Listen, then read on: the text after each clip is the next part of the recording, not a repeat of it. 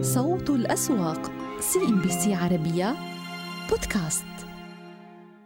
ودائما أسعد الله أوقاتكم بكل الخير. مسار السوق من CNBC عربية والذي نتتبع فيه مسارات الأسواق لهذا اليوم. كيف كان أداؤها؟ لا شك أن ضربة البداية كانت مختلفة عن ضربة النهاية في كثير من الأسواق خاصة الأسواق الإماراتية والمؤشرات الكويتية. سنقف على تفاصيل كل ذلك لكن دعونا نذكر بأبرز وأهم العناوين في هذه الجولة. سهم اتصالات يدعم ارتفاع مؤشر سوق أبو ظبي للجلسة الثانية على التوالي والسهم يصل لمستويات تاريخية جديدة أعلى من 25 درهم مرتفعا بأكثر من 1.6%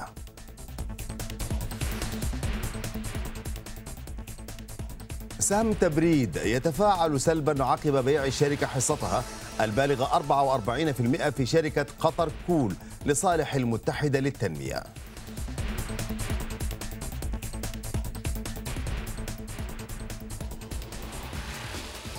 وفي بورصة قطر المؤشر على استقرار فوق العشرة ألاف وتسعمائة نقطة بدعم من قطاع المصارف والنقل والخدمات وسهم بلدنا يرتفع مع توجه الشركة للتوسع في ماليزيا.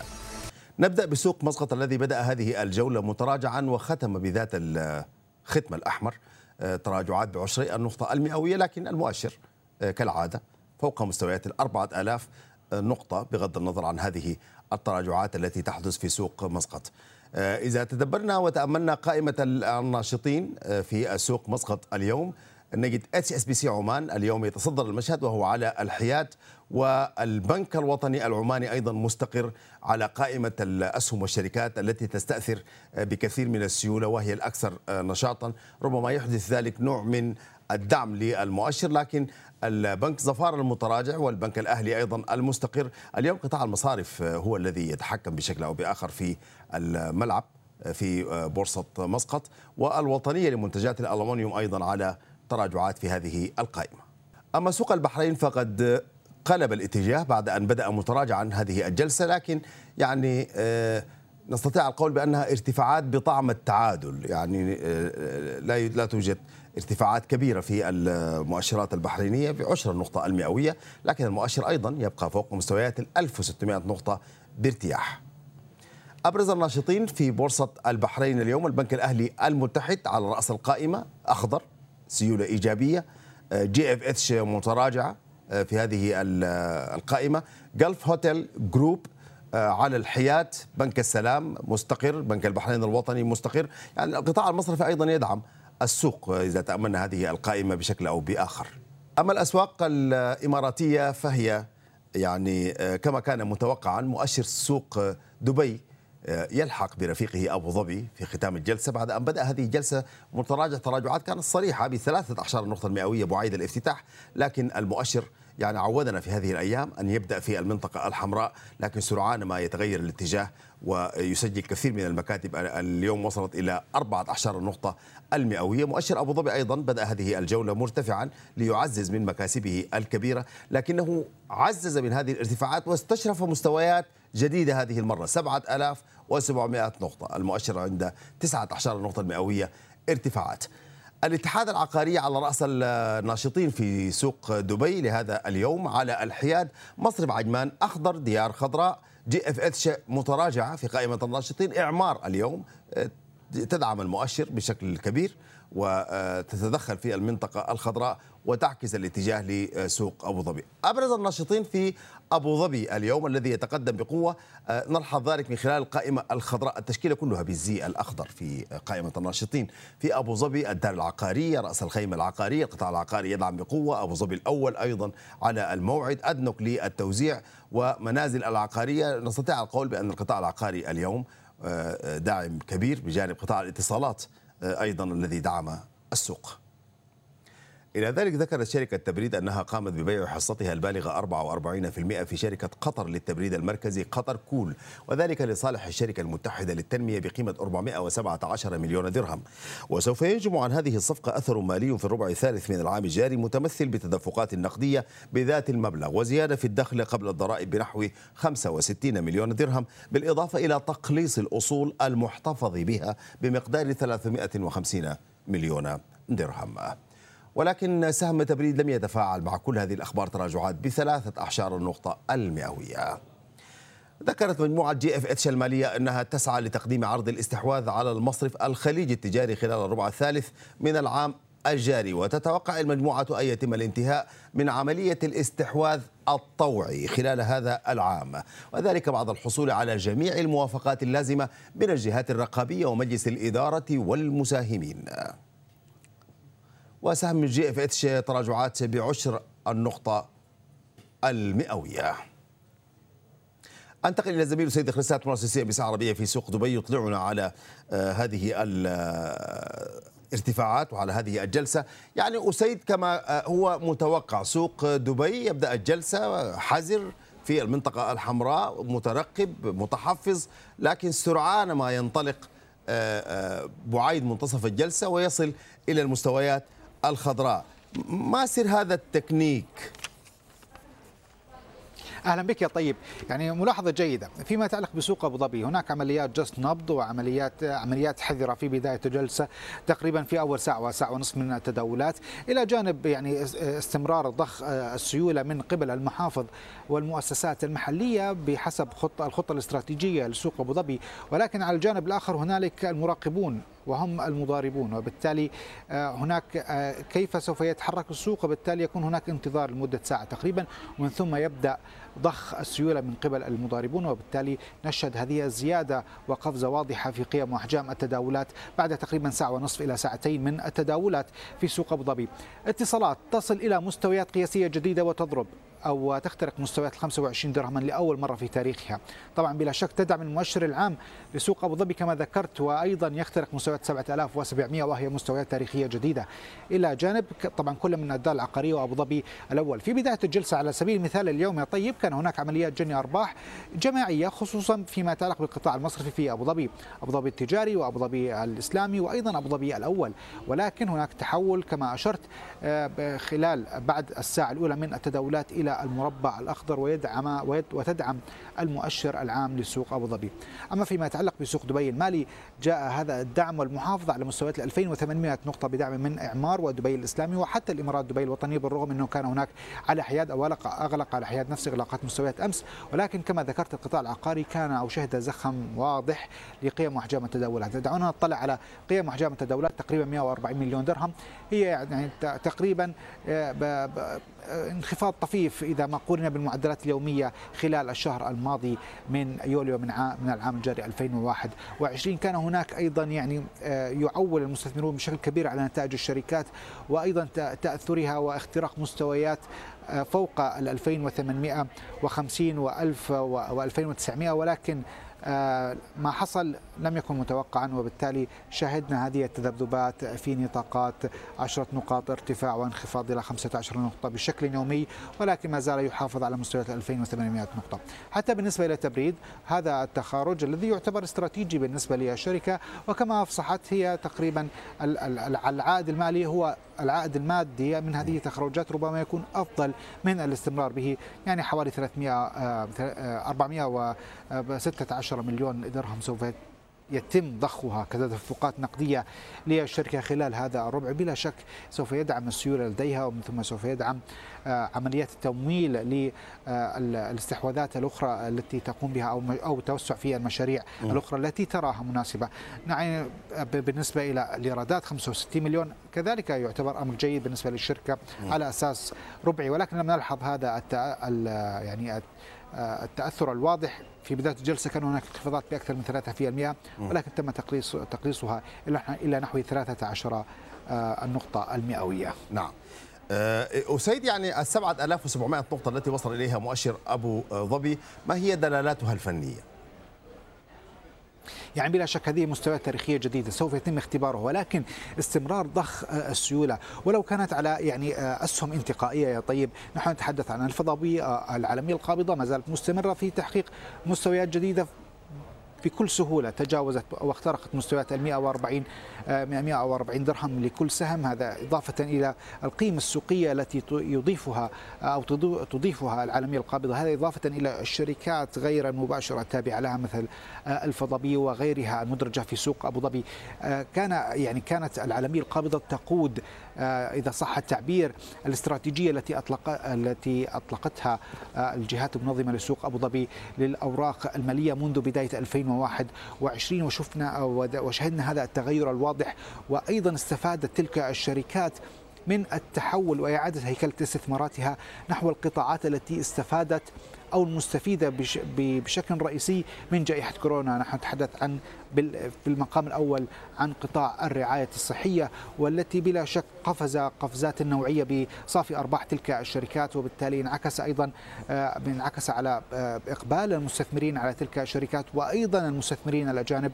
الآن نحن في مرحلة تقييم تقريبا بعد أكثر من ستة أشهر من هذا الأداء الجيد. هذا إضافة آه، وتضيف إلى ذلك أداء 2020 مثلا للعالميه القابضة التي قفزت عشرة أضعاف تقريبا بالنسبة لنتائجها في عام 2020 مقارنة مع عام 2019 نتيجة تغيير هذه الهيكلية. وبالتالي من المتوقع بالفعل ربما تكون هناك عمليات التقاط إنفاس ولكن ليست جماعية هذا ما تعودنا عليه في سوق أبو ظبي. وبالتالي لا ربما يكون هناك بعض بعض عمليات التصحيح ولكن ليست بالقوية. مع المحافظة على قيم وأحجام التداولات على تلك الأسهم. أسيد خلسات مراسل CNBC عربية في سوق دبي. شكرا جزيلا لك. يعني المؤشرات القطرية فوق مستويات ال 10900 نقطة لكن ما هو لافت هذه المرة؟ أنها آه، بنقاط كبيرة فوق هذه المستويات تحدث عن 10983 نقطة. هذا يعني أن هناك محاولات ربما جادة لاستشراف مستويات جديدة عند الأحد عشر ألف نقطة وهذه تعني آه، يعني آه، الكثير للبورصة القطرية باعتبار أنها مستويات نفسية مهمة. قائمة الناشطين قد آه، لا تعزز هذه الفرضية باعتبار التراجعات الكبيرة التي تنتظم كل الأسهم في هذه القائمة. وقائمة الناشطين هي التي تحدد الاختراقات الفنية باعتبار أن الأكثر نشاطا هم الذين يستأثروا بالسيولة الأكثر. وبالتالي السيولة هي القادرة على تحريك المؤشر إلى مربعات جديدة ليست قائمة الرابحين هي من يحدد ذلك. آه لذلك بالنظر إلى هذه القائمة في جلسة اليوم نجد أنها غير مطمئنة اللون الأحمر يطغى عليها آه باستثناء بلدنا آه المرتفعة لعوامل تخصها لكن بقية الأسهم وهي التي تتشارك في الغالب هذه القائمة مثل السلام قامكو الاستثمار القابضة الخليج الدولية للخدمات هذه الشركات الزبونة الراتبة في هذه القائمة.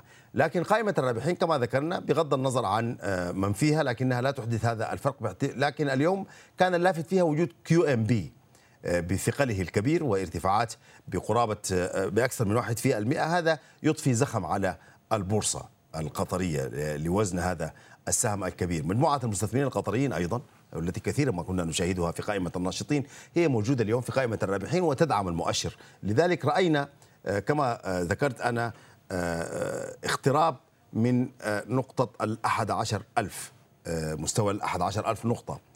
ناقلات أيضا تنتقل إلى المربع الأخضر وربما تنقل معها المؤشر. بلدنا كما ذكرنا اليوم تستأثر بكثير من السيول الإيجابية وحدها خضراء في هذه القائمة. وأعمال القابضة تتصدر مشهد الرابحين في البورصة القطرية. أنتقل إلى الدوحة السيد رمزي قاسمي وهو المستشار المالي في شركة وساطة للأوراق المالية. يعني أهلا وسهلا بك. في جلسة اليوم لا نستطيع أن نقول بأن الأداء هو ذات الأداء الرتيب باعتبار أن المؤشر يحاول آه، أن يستشرف مستويات جديدة. هل هو قادر على الوصول إلى الأحد عشر ألف نقطة آه، في الأيام المقبلة؟ آه، مساء الخير أستاذ طيب وشكرا على الاستضافة. زي ما تفضلت حضرتك جلسة اليوم يعني آه، آه، خرجت من نطاق الرتابة بارتفاع سهم QNB ووصوله تقريبا إلى أعلى مستوى سعري له منذ عام.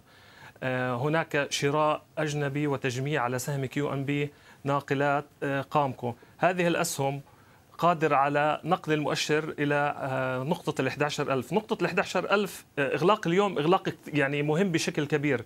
أنه سابقا كنا نوصل لنقطة ال 10976 ونرتد آه، للأسفل تقريبا أكثر من ثلاث مرات. اختراق هذه النقطة فنيا شيء جيد ومبشر. نقطة ال 11000 هي أهميتها إنها تأتي ك ك ك, ك حافز أو خلينا نحكي كحاجز نفسي أمام المستثمرين. مجرد اختراق حاجز ال 11000 سنرى آه، اندفاع المؤشر نحو مستويات ال 11300 أنا بحكي هنا فنيا 11300 طبعا راح يتخلل هذه الارتفاعات وجود موجات من التصحيح وجني الارباح على المؤشر. لكن برجع وبحكي إغلاق المؤشر اليوم فنيا آه، إيجابي للغاية في ظل المؤشرات سواء على مستوى نتائج أعمال الشركات أو مستوى نتائج المؤشرات الاقتصاد الكلي. مبعث على التفاؤل وإن شاء الله إنه الفترة القادمة نكون قادرين على آه، الوصول إلى مستويات ال 11300 كنقطة مستهدفة أولى بإذن الله. نعم، QNB هل يوجد ما يبرر هذا الارتفاع اليوم؟ آه، ارتفاع QNB بنلاحظ إنه تقريبا منذ آه، أكثر من سبع جلسات هناك تجميع من قبل المستثمرين الأجانب على سهم QNB. نتائج أعمال البنك خلال النصف الأول شهدت نمو بنحو 6%. آه، لم يتفاعل البنك حينها مع مع ارتفاع الأرباح. حاليا هناك أخبار عن اكتساب البنك دعوة بقيمة تقريبا مليار ريال. هاي دفعت بالسهم إلى الوصول إلى مستويات تقريبا هاي المستويات اللي 19.20 ريال. هاي تقريبا منذ عام لم نصلها. بالتالي باعتقادي الشخصي إنه القطاع البنوك متمثل بكيو ان بي المصرف والتجاري بدرجة أقل. سيكون هو المحرك والدافع الرئيسي للمؤشر بالمرحلة القادمة بإذن الله. نعم، دعنا نتحدث أيضا نعرج على سهم بلدنا اليوم كان أداؤه لافت كان ضمن الناشطين وحيدا باللون الأخضر أيضا ورأيناه أيضا في قائمة الرابحين يشكل نقطة دعم أيضا. آه، صحيح تفاعل السهم ايجابيا مع الأخبار المتواردة عن توقيع اتفاقية لإنشاء مزرعة بماليزيا آه، تهدف آه، طبعا هذه اتفاقية بالشراكة مع شركات حكومية في ماليزيا. تهدف إلى إنتاج الحليب لأول مرة خارجيا والألبان خارجيا. فالمستثمرين يعولون على نمو أرباح الشركة وإيراداتها من خلال هذا المشروع. لم يتم الإفصاح عن أي آه، جوانب مالية لهذا المشروع. ما هو العائد المستهدف؟ ما هي التكلفة؟ تاريخ البدء بالإنتاج. لكن المستثمرين آه، أخذوا السهم بمنحى مضاربه وكسب يعني اليوم تقريبا يعني وصل لمستويات لم يصلها منذ تقريبا الأسبوعين وصل عند مستويات ال 166 ثم تراجع السهم. اليوم بن بن بنلاحظ إنه ارتد للمنطقة الخضراء باعتقادي إنه السهم بالمرحلة القادمة قد يشهد عمليات يعني يعني أخذ ورد لاختراق مستويات ال 175 ريال. نعم. المستثمر الأجنبي آه، آه، رمزي يعني كما تعلم هو آه، إمام السوق كما نطلق عليه مجازا. والى أي مدى هناك فرصة حسب جلسة اليوم في دخول المستثمر الأجنبي بشكل أكبر حتى يستطيع أن يحدث الفرق؟ زي ما تفضلت أستاذ الطيب هو المستثمر الأجنبي اللاعب الرئيسي والمؤثر بشكل جوهري على أداء المؤشر. آه، هناك عمليات تجميع من قبل المستثمر الأجنبي خلال الفترة الماضية لا ننكر ذلك على أسهم قيادية لكن اللي عم بيصير إنه المستثمر الأجنبي يضع أسعار مستهدفة لعمليات الشراء لا يتجاوزها. بالمقابل المؤسسات القطرية تقوم ببيع هذا المستثمر ضمن تلك الأسعار. المراهنة الفترة القادمة على تدفق سيولة أجنبية من من قبل الأجانب إلى السوق القطرية نتيجة عوامل الاقتصاد الكلية القوية مع نتائج الشركات. السيولة هي المفتاح الرئيسي زي ما تفضلت حضرتك في بداية اللقاء المفتاح الرئيسي لأخذ المؤشر إلى مستويات آه، جديدة. نراهن على دخول المستثمر الأجنبي على أسهم قيادية منتقاة تؤثر في آه، أداء المؤشر خاصة إذا ما علمنا أنه تقريبا خمس شركات بتشكل 60% من وزن المؤشر. معظم هذه الشركات آه، تتمحور في قطاع البنوك بالإضافة لشركة صناعات. رمزي قاسمية المستشار المالي في شركة وساطة للأوراق المالية. أشكر حضورك معنا مسار السوق من الدوحة. المؤشرات الكويتية لم تمكث كثيرا في المربعات الحمراء وسرعان ما آه، رجعت إلى إيجابيتها.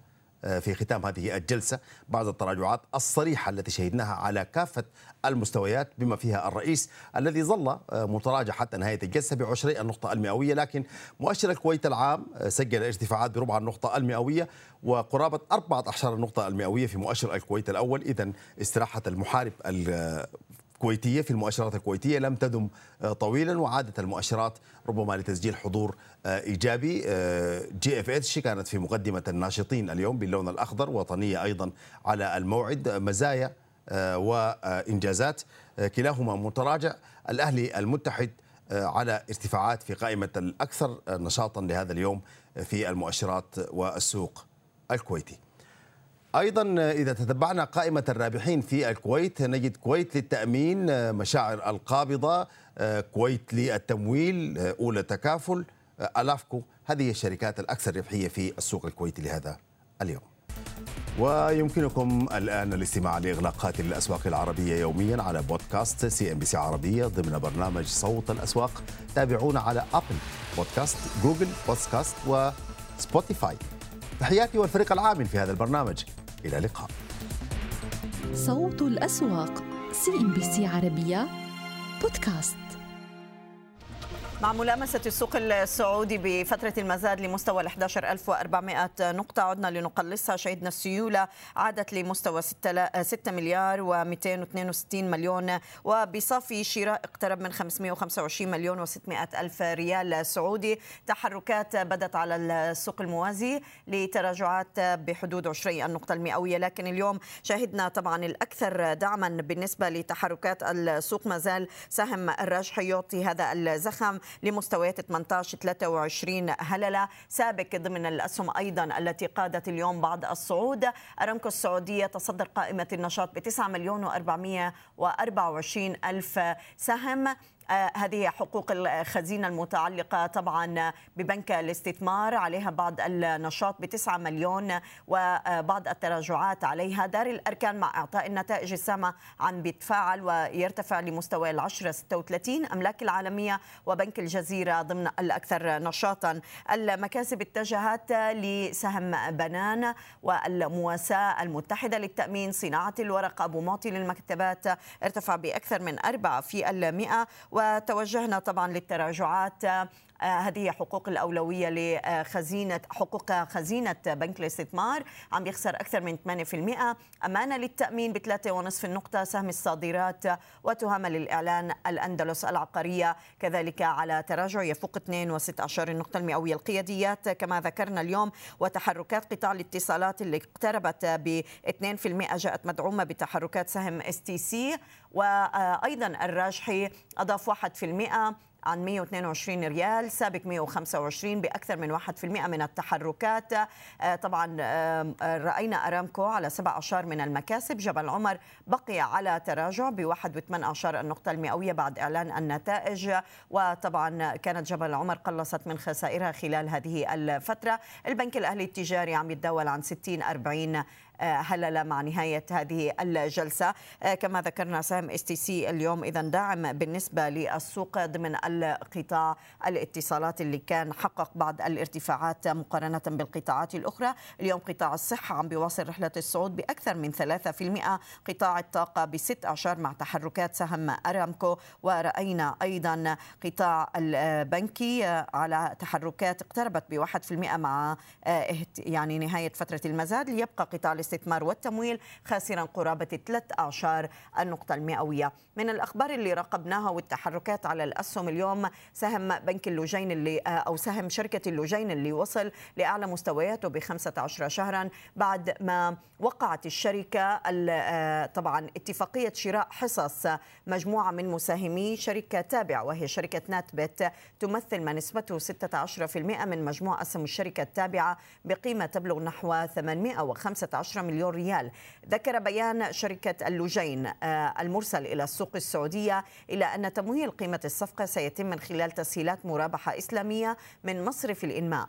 مضيفة بأن آه، الصفقة تأتي بإطار سعيها للتوسع باستثماراتها ومتوقعة ظهور الأثر المالي لها بالربع الثالث من العام الجاري. سهم اللجين إذا حقق اليوم أعلى سعر من 15 عاما وليس من 15 شهرا إنما عم نتداول على ربعي النقطة المئوية من الارتفاعات 66 ريال 80 هللة.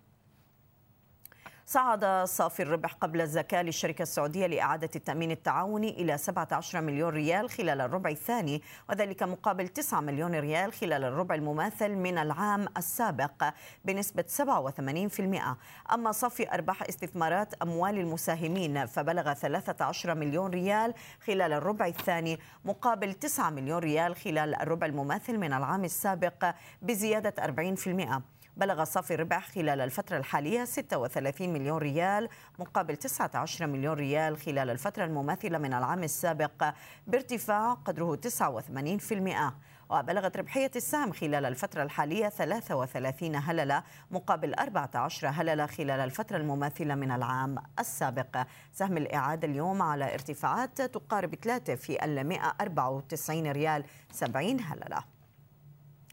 سجلت شركة ساب تكافل أرباح مماثلة في الربع الحالي مقارنة بالفترة نفسها من العام الماضي عند 500 ألف ريال. أما بفترة النصف الأول من العام الجاري فقد انخفضت أرباح الشركة 5.6% على أساس سنوي لتصل إلى 956 ألف ريال. تعود أسباب هذه النتائج للربع إلى ارتفاع صافي مساهمات التكافل المكتسبة وانخفاض التغيرات باحتياطي المخاطر السارية والاحتياطي لبنود غير غير مرتبطة بوحدات وانخفاض بالمصاريف العمومية والإدارية لدى الشركة. سب تكافل على تراجع بعشري النقطة المئوية ل 32 ريال 25 هللة وحول طبعا إغلاقات السوق السعودي ينضم إلينا من الرياض المحلل بالأسواق المالية أنس الراجحي. أستاذ أنس أهلا بك معنا. لمسنا مستويات ال 11400 نقطة بتداولات اليوم وانتهاء فترة المزاد. عاد يتراجع عنها موسم إعلان النتائج يعني لم يتبقى له الكثير. لكن خلال هذه المرحلة كيف عم نقيم تحركات السوق والمستويات التي وصل إليها مدعوما بنتائج الشركات؟ نعم أسعد الله مساءكم بكل خير واهلا وسهلا بكم. إحنا نلاحظ أن النتائج حقيقة كانت قوية جدا للشركات خاصة الأسهم القيادية المؤثرة بوزن المؤشر، لكن لم نلاحظ هناك في تفاعل كبير سواء كان على مستوى المؤشر أو على مستوى أسعار الأسهم بل بعض أسعار الأسهم بعد إعلان نتائجها القوية هبطت ما بين 5 إلى 10% وهذا يرجع إلى سلوك الأسواق المالية. إحنا نعرف إنه أسعار الأسهم استوعبت كثير من هذه النتائج المالية وبالتالي لم نلحظ أي ارتفاعات قوية صاحبت هذه النتائج. ليس بسبب أن السوق يعني مش راضي يتفاعل أو من هذا القبيل بقدر ما إنه إحنا عندنا أسهم وسعرت وفق نتائجها الإيجابية وسبقت هذه التطورات وهذا النمو بكثير على أسعار أسهمها. وبالتالي طبيعي جدا إنه نشوف ردة الفعل خلينا نقول مستقرة. أو بعضها ممكن يكون فيها هبوط إذا ما بلغ بالاسعار أما من ناحية السيولة إحنا نشوف الآن السيولة منخفضة جدا. حتى اليوم كانت ربما تسجل أدنى سيولة منذ ثلاثة أشهر لولا السيولة الواضح اللي دخلت في يمكن النصف الساعة من الأخير من هذه الجلسة ومعها ارتد المؤشر وأغلق على نحو 70 نقطة ارتفاعا. لا زالت السيولة بين 6 و 7 مليارات. اوعز هذا أنا الأمر لأسباب عديدة. من ضمنها المناطق الحالية للمؤشر و يعني تفضيل بعض المستثمرين إنه ما يدخل بأسعار ارتفعت كثيرا خاصه التي تتعلق في الأسهم المضاربية. لأن بعض الأسهم الاستثمارية مبرر ارتفاع أسعارها كونها واكبها نمو بالأرباح. لكن إحنا نشهد نتائج اليوم لبعض الشركات أسوأ بكثير. سواء كان على مستوى النتائج أو المؤشرات المالية منها ما كانت عليه قبل عامين لكن السعر تضاعف مرة ومرتين وثلاث. نعم. وهذا يرجع إلى المصطلح الشائع في أسواق المال جود السوق ولا جود البضاعة. فلذلك بعض المستثمرين لا يفضل الدخول بأسعار متضخمة جدا ومعها انخفضت السيولة مع مع انحسار وتيرة المضاربات والتدوير الذي من شأنه يرفع السيولة ونشوفها الآن بين 6 و7 مليارات. نعم. عم نتابع نتائج دار الأركان. يعني واضح إنه الشركة كان عندها ارتفاع بالأرباح ب 51 مليون ريال بنهاية النصف الأول أرباح الربع الثاني 22 مليون و400 ألف ريال أنس. يعني اليوم كيف ممكن نقيم هذه النتائج وفقا لأوضاع السوق العقاري بالسعودية؟ وخصوصا إنه الشركة بدأت تتجه لعملية توسعات خارج السوق المحلي. حقيقة الشركة ومنذ يعني عقد كامل تقريبا وهي لا تحقق نتائج إيجابية دائمة طبعا نعرف أن الشركة لديها صكوك ولديها بعض الالتزامات وهذا ينعكس على نتائجها المالية. إحنا نشوف هللتين أو خمس هللات مقابل هللتين فقط. رأس المال أكثر من 10 مليارات نتائج حقيقة لا توازي آه، بتاتا ضخامة رأس المال. آه، بما يتعلق بالتوزيعات النقدية هي متوقفة منذ 2010 باستثناء توزيع نصف ريال كان في عام 2018 يعني الشركة نعرف إحنا قيمتها الدفترية نحو 19 ريال. خلينا نقول الجيد إن الشركة حتى الآن لم تحقق آه، خسائر.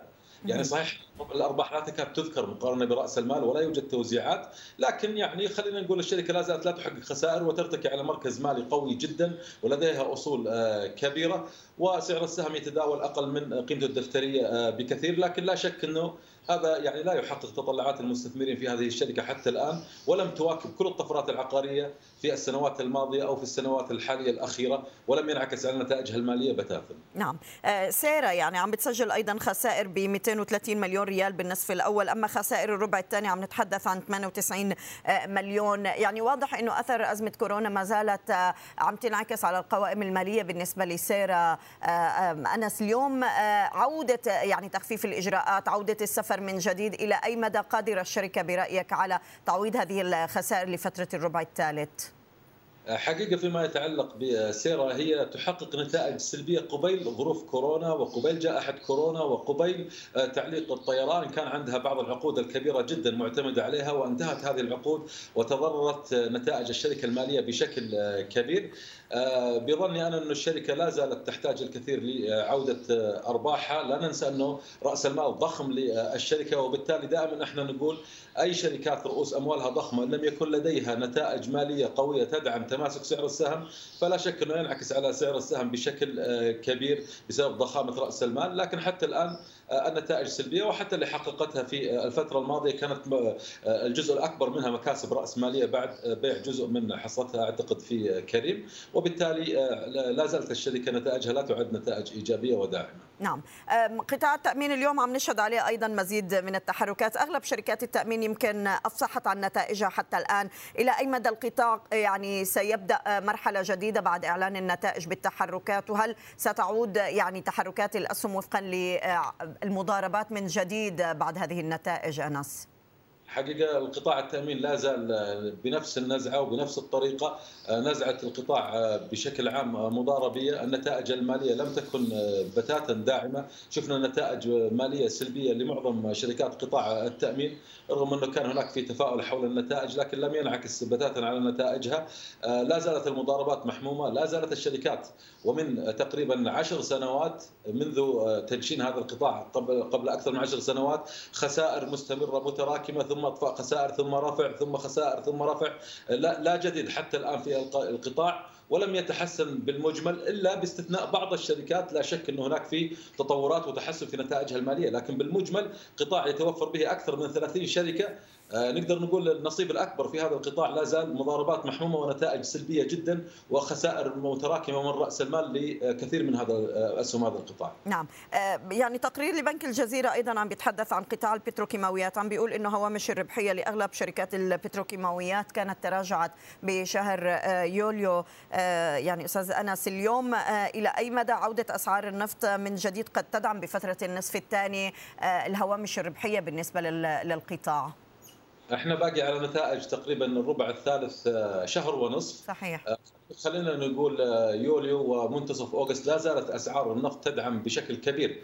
النتائج المالية لقطاع البتروكيماويات، إحنا شفنا نتائج قوية جدا بسبب ارتفاعات أسعار النفط عند متوسطات بين نحو يمكن 75 دولار للبرميل، الآن طبعا برنت يتداول دون ال 70 دولار للبرميل ونفس الشيء ال NYMEX، لكن ما نقول هذه الأسعار اللي ممكن تؤثر بشكل كبير على نتائج قطاع المصارف إلا إذا هوت وتداولت في بحر الخمسين، ولا ننسى أنه تقريبا النصيب النصيب الأكبر من الربع الثالث خلاص يعني آه، باتت نتائجه واضحة أنا أقول بالمجمل في الغالب إنه نتائج الربع الثالث إن لم تكن مماثلة للربع الثاني فهي ستكون أقل بقليل ولن تكون آه، سلبية وسوف آه، نكون مراقبين لأسعار قطاع المنتجات البتروكيميكال وأسعار النفط وبالتالي معها ممكن يكون هناك في تقديرات أخرى لنتائج الربع الرابع من السنة. نشكرك أنس الراجحي محلل الأسواق المالية. كنت معنا من الرياض. شكرا جزيلا لك. المؤشرات المصرية في نهاية جلسة اليوم ثالث جلسات الأسبوع تعود للتباين وكسر لمستوى 11 ألف نقطة بالنسبة للأسهم القيادية التي كانت بالأمس آه، وصلت إليها. أن تراجع اليوم وجني أرباح يقارب الواحد في المئة بينما عززت الأسهم المضاربية من تحركاتها اليوم لمستويات ال 2919 نقطة ال 100 على صعود ب 18 النقطة المئوية. البنك التجاري الدولي طبعا بعد التوزيعات التي شهدناها بالأمس. استمر اليوم بالتراجع بأكثر من 2.5 النقطة المئوية ليتراجع بحدود الجنيه 19 قرش. المصرية للاتصالات على مكاسب. قريبة جدا من مستوى ال 15 من جديد. إعمار مصر عم بيتفاعل أيضا ويتراجع ب 2 في المئة ل 42 النساجون الشرقيون عم بيرتفع بنصف النقطة وعامر جروب آه، ضاغط اليوم بقرابة الواحد في المئة. أسهم القطاع العقاري تعود لبعض المكاسب. اليوم طلعت مصطفى يتداول عن سبعة عشرة قروش وعم نتحرك بحدود 14 النقطة المئوية. أما السودك اليوم عزز من الارتفاعات بثلاثة وست أعشار النقطة المئوية ليتداول عن 16 71 الشرقية للدخان. بقي هيرميس ضاغط اليوم مع نهاية الجلسة بقرابة 21 نقطة المئوية عند 11 54 نقطة. رأينا Pioneers أيضا اليوم ضمن الأسهم المتراجعة. سيدي كرير عم بيخسر أكثر من 4% Citadel Capital عم بيخسر نصف النقطة المئوية ضمن التراجعات. أسهم السفنتي كانت أيضا اليوم على بعض التباين. أجواء للصناعات الغذائية عم يصعد بقرابة العشرة في المئة. أبو قير عم يتراجع ل 19 25 العربية لإدارة الأصول بست أعشار من التراجع. والإسكندرية لتداول الحاويات عن 9 85 يتداول على خسارة تقترب ب 8 أعشار النقطة المئوية في قطاع الأغذية تابعنا النتائج المتعلقة بأرب ديري. هذه المرة حيث ارتفعت أرباح الشركة العربية لمنتجات الألبان 23% بالربع الثاني من العام الجاري لتصل إلى 57 50 مليون و500 ألف جنيه مقارنة ب 46 مليون و600 ألف جنيه لنفس الفترة من العام الماضي. حققت الشركة إيرادات لفترة الربع الثاني من العام الجاري ب 336 مليون جنيه مقارنة ب 270 مليون و100 ألف جنيه عن نفس الفترة من عام 2020 كما وحققت الشركة أرباح ب 130 مليون جنيه لفترة النصف الأول من العام الجاري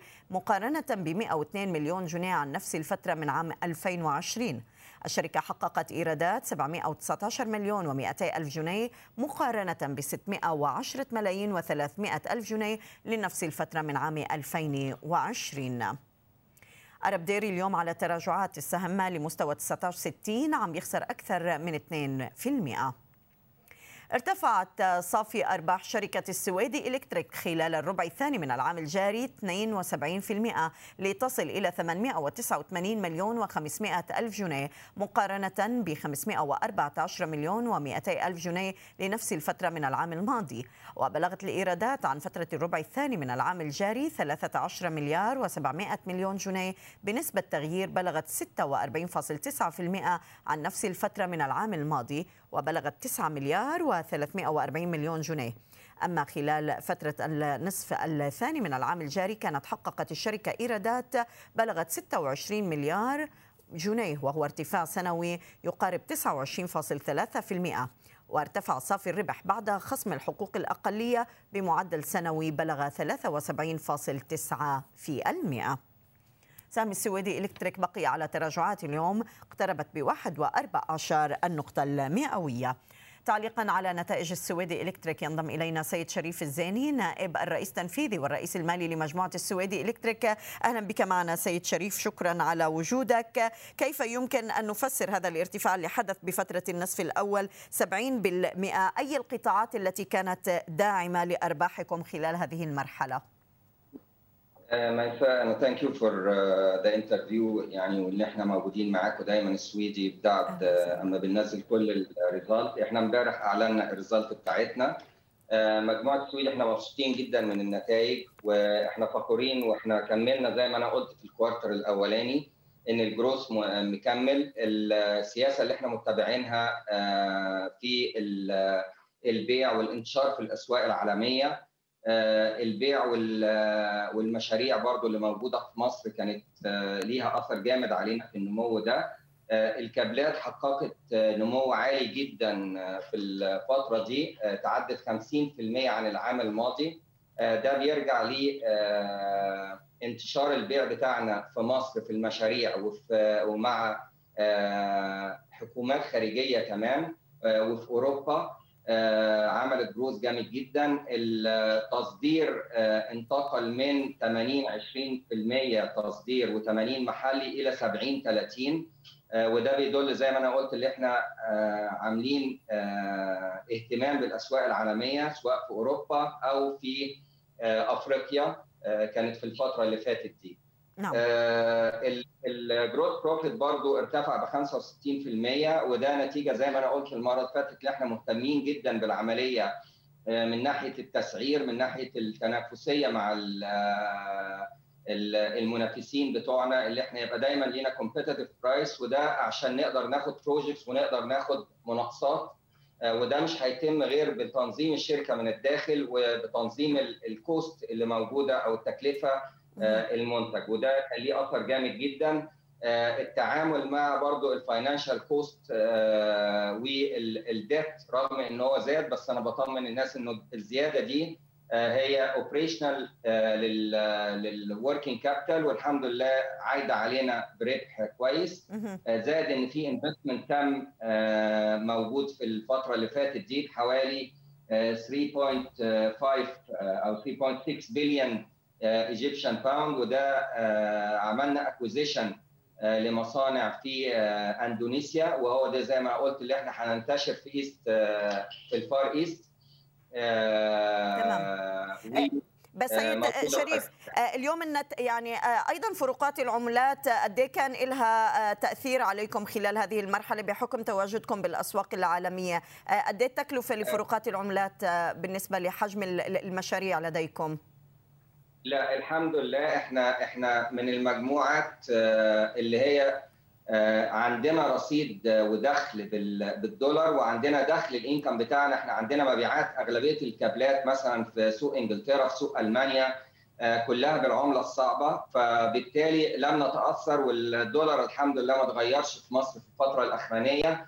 فما كانش ليه تأثير بل بالعكس اللي إحنا وجود ال net bank debt عندنا كان بالنسبة لل EBITDA ده يعتبر واطي جدا فده عمل لنا ميزة برضو تنافسيه ان ال financial cost عندنا كانت بالعكس أقل مما يجب يعني أو أقل من ال standard الموجود. نعم، كان عندكم صفقة بيع اسهم 99% من العالمية للكابلات للسويدي إلكتريك، قد إيه انعكست نتائج يعني هذه البيع بالنسبة للأسهم على الشركة أستاذ شريف؟ ليش؟ هتبتدي توضح هي وأندونيسيا في ال half 2 هي وأندونيسيا باكستان يمكن تظهر في ديسمبر أو في أول السنة. لكن الحمد لله إحنا as per ال acquisition اللي تم واللي أعلناه إنه إنه كل حاجة مدروسة و as per ال business plan بل بالعكس هتجيب إن شاء الله أكثر مما نتوقع إن شاء الله. أنتم متوجهين لأفريقيا كما ذكرت يعني واضح إنه تنزانيا هي اللي راح تكون المصدر الأساسي لقاعدة التصدير، قد إيه بنتوقع إنه يكون في عندكم توجه يعني أو حصة سوقية أكبر بسوق تنزانيا بما إنه راح تكون هي القاعدة الأساسية لأفريقيا؟ لا لا هي هتبقى هاب موجود في وسط أفريقيا. في وقت افريكا في هيبقى قواعد تانية هتبقى موجود برضه لكن إحنا اليومين دول نتيجة لوجود السد ووجود ال staff بتاعنا هناك فقدرنا نعمل بنبني مصانع كابلات و transformers و accessories. فهنبقى دي علشان نصاد أو لإنتاج السوق المحلي لتنزانيا زائد الأسواق اللي حواليها من البلاد اللي في East Africa و Central Africa. السياسة التوسعية في أفريقيا هي شاملة عملنا hubs في كذا حتة sub Sahara في الجزائر عندنا مصنع في يعني في كذا حتة وبنعمل logistics بنعمل يعني stock there بحيث إن إحنا نبقى موجودين دايما ونبقى في المشاريع كمان. مثلا عندنا غير السد في مشاريع substations كثيره موجودة في كذا مكان في أفريقيا. even اثيوبيا موزمبيق زامبيا آه لا موجودين في كذا بلد. آه وأعتقد إن إحنا آه لينا اسم كبير في أفريقيا وإحنا بنبني عليه وهنستمر في الموضوع ده. نعم. آه ال growth أنا بطمن الناس برضو ال half two آه إحنا إن شاء الله مستمرين ال business plan بتاعتنا وال budget very clear إحنا شايفين زي ما أنا قلت قبل كده إن الآخر 23 ال backlog أو المشاريع اللي لم تنفذ حتى الآن الحمد لله محافظين على نسبتها وما بتقلش بل بالعكس بتزيد وده بيدينا المشاريع مثلا بنقول backlog بتنفذ في next two years في السنتين القادمين. فأنا بالعكس أنا شايف في الفترة اللي جاية اللي إحنا مستمرين في النمو. الكابلات برضو والصناعة أنا عاوز أقول إن ال growth اللي حصل ده ده نتيجة مش بس زيادة في سعر النحاس زي ما الناس ممكن تفتكر لأ هو نتيجة ال tonnage زاد وبالتالي production و sales زاد فده real increase مش هيبقى one off أو أي حاجة بل بالعكس مستمر. سؤال أخير أستاذ شريف قد إيه مرصود كمحطات كهرباء كاستثمار بالنسبة للشركة للفترة المقبلة؟ وإحنا شايفين أيضا هذا التوسع اللي عم بيصير بالعاصمة الإدارية قد إيه العقود الحكومية متوقعينها ترتفع لديكم؟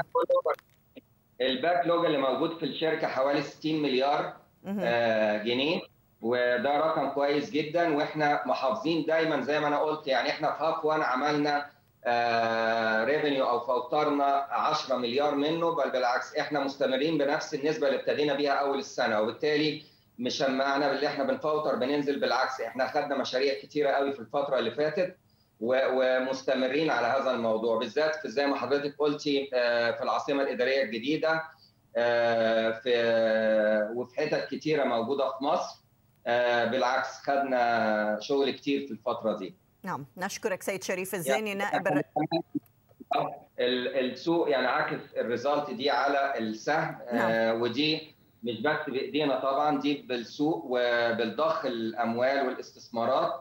فأنا أعتقد إن إحنا مؤشر جيد للبورصة المصرية وأعتقد إن إحنا بالنتائج دي هنؤدي لأن إحنا نعتبر من أكبر ثلاث شركات في البورصة المصرية نعم. أعتقد إن هيحصل كتير تحرك في البورصة المصرية في الفترة الجاية نتيجة لنتائج المجموعة. نشكرك سيد شريف الزيني نائب الرئيس التنفيذي والرئيس المالي لمجموعة السويدي. إلكتريك كنت معنا من القاهرة. شكرا جزيلا لك. قال نائب رئيس هيئة المجتمعات العمرانية الجديدة بمصر عبد المطلب ممدوح بلقاء مع CNBC عربية أنه جاري الانتهاء من التخطيط النهائي واعتماد القرارات الوزارية للبدء بتنفيذ سبع مدن عمرانية جديدة في مصر قبل نهاية العام الجاري. إحنا كنا في ستة ونص سبعة ده اللي في, في الوادي النيل الضيق. إحنا النهارده توسعنا في المدن الجديدة النهارده في حوالي 2 مليون فدان يعني يمكن دخلنا سبعة ونص سبعة 75 يعني نسبة ماشية كويس قوي. وهذا توسع في فترة زمنية قليلة جدا بإنشاء مدن الجيل الرابع والساحل الشمالي الغربي والعلمين والعاصمة. كل هذه الرقعة بتدي مساحة أوفر وتوسع أفقي بعيدا عن نهر النيل وعن الدلتا. طيب إحنا عندنا تقريبا أكثر من 40 مدينة جديدة بيتم تنفيذها في مصر حاليا. في مدن أخرى هيتم إطلاقها خلال الفترة اللي جاية ونسب التنفيذ كمان الإنجاز وصلت لكام في تنفيذ في هذه المدن؟ إحنا النهارده زي ما أنا شرحت في في العرض اللي أنا شرحته المدن هم أربع أجيال الجيل الأول اللي هو من 79 والجيل الثاني والجيل الثالث والرابع بدأنا ب 2014 في 21 مدينة. إحنا فعلا في 16 مدينة شغالين فيهم دلوقتي وفي ست مدن أو سبعة جاري التخطيط النهائي واعتماد القرارات الوزارية للبدء في التنفيذ منهم ويطلع قريب قوي السويس الجديدة ومنلو الجديدة والفاشن الجديدة. كل ده هيطلع في المرحلة اللي جاية إن شاء الله. إمتى يا فندم المدى الزمني متوقعين يتم تدشينهم إمتى؟ شهور. إحنا إحنا في 2021 يعني؟ إن شاء الله قبل نهاية 21 إن شاء الله. طيب لازم أسأل حضرتك على الأراضي اللي بتطرحها هيئة المجتمعات العمرانية هيتم طرح أراضي بمساحات قد إيه خلال الفترة اللي جاية؟ إحنا طرحنا في السبع سنين دول مساحات 230 ألف قطعة أرض لل... للمواطنين اتخصصوا بالكامل. دول عاملين 20 ألف فدان وإحنا بنجهز دلوقتي يمكن ديت أقولها على الهواء لكل المواطنين اللي عاوز أي مشروع تجاري أو خدمي أو تعليمي إحنا فاتحين الكلام ده كله يتقدم بالمساحة اللي هو عاوزها في أي مدينة وإحنا بننزلها على الموقع وبنخصص مباشر طبقا لاحتياجات السوق في هذه المرحلة. بالنسبة لشركات التطوير العقاري. شركات الأراضي متاحة. لو حد عاوز أي مشروع 100 فدان 200 فدان إحنا جاهزين نتقدم وبندرس فني ومالي وبنخصص مباشر. وحول إغلاقات المؤشرات المصريه ينضم إلينا من القاهرة أستاذ محمد عبد الهادي مدير عام شركة وثيقة لتداول الأوراق المالية. أستاذ محمد أهلا بك معنا. اليوم واضح إنه بدأت عمليات جني الأرباح على الأسهم القيادية بعد مستوى ال 11000 نقطة. موسم إعلان النتائج عم بيعطينا أداء جيد وواضح بالنسبة لفترة النصف الأول. هل مرحلة جني الأرباح ممكن إنه تطول بالسوق برأيك بعد كسر هذا المستوى؟ طيب هو اولا بسم الله الرحمن الرحيم واهلا وسهلا بحضرتك واهلا بقناة CNBC هو ما يعتبرش جني أرباح بالمعنى السليم أو الصحيح بالمعنى الصح. إحنا امبارح الجلسه وصلت لغاية 11100 وحاجة. بالمعنى صح دي نقطة المقاومة اللي هو لازم يحترمها وبالتالي هو انخفض من 11100 لغاية 11045 في جلسة أمس والنهاردة إحنا بنشاهد إن هو بيجرب عند المقاومة اللي هي ال 10900 بالمناسبة إحنا عندنا نقطة طالما إن هو ما كسرهاش ال 10800 يبقى إحنا كده الأداء لسه ما زال أداء إيجابي. نبص على المؤشر الثاني حضرتك المؤشر السبعيني هنلاقي إن هو بيتحرك حركة إيجابية قرب المقاومة الأولى بالنسبة له أو المقاومه 3000 أنا أعتقد إن هو مش مقاومة 3000 لأن في زخم في المؤشر السبعيني. ممكن إحنا نشاهد 3200 و3500 في هذا المؤشر طالما إن إحنا بنبص على أحجام التداول. زي ما حضرتك أشرت بالظبط نتائج الأعمال رائعة في خلال النصف السنوي. يعني نصف السنوي نتائج الأعمال لكل الشركات المقيدة في السوق المصري نتائج إيجابية. لو إحنا بصينا لبنك التعمير والإسكان هنلاقي إن هو محقق مليار جنيه. هنلاقي أوراسكوم للتنمية 744 مليون جنيه مقابل 168 مليون جنيه. هنلاقي بورتو 71 مليون جنيه مقابل 24 مليون جنيه. حضرتك نتائج الأعمال قوية. إعمار مصر مليار و300 مقابل 650 مليون جنيه.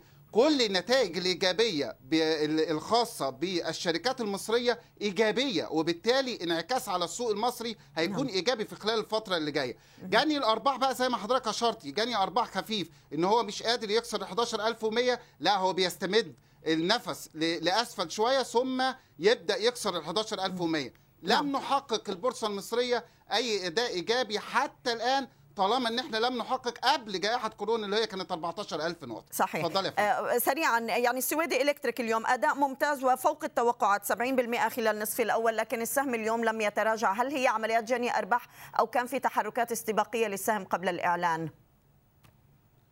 هو في ح... طبعا حركات استباقية زي ما حضرتك بتقولي هو محقق نتائج أعمال كويسة جدا مليار و700 مقابل مليار وبالتالي نتائج الأعمال ديت ده محقق إيراد حوالي 26 مليار جنيه. ده حضرتك قفزة في أرباح السويدي إلكتريك. السويدي إلكتريك من أعتقد إن هو سعره اللي هو 8 65 اللي أغلق عليه ده سعر منخفض تماما. المفترض إن السويدي إلكتريك يحقق نتائج. هو قال هو مجلس إدارة إلكتريك قالت إن نتائج الأعمال في نهاية السنة هتحقق نتائج كبيرة جدا. عنده مشروعات ضخمة جدا يا فندم. عنده مشروعات في إندونيسيا نعم. في باكستان في دول الخليج في أفريقيا في مصر. وبالتالي أنا شايف إن السهم ده fundamental كويس جدا fundamental آه ثابت. أعتقد إن هو سعره الحالي ما ما هو إلا عمليات تجميع آه لأسعار أخرى مرتفعة. آه السويدي نعم. الكتريك من الأسهم القوية هي خروجها بس من المؤشرات الرئيسية هو ده اللي ضعف من السويدي الكتريك غير ذلك السهم آه مستهدفاته عالية جدا. نعم ونشكرك أستاذ محمد عبد الهادي مدير عام شركة وثيقة لتداول الأوراق المالية. كنت معنا من القاهرة. شكرا جزيلا لك. صوت الأسواق CNBC عربية بودكاست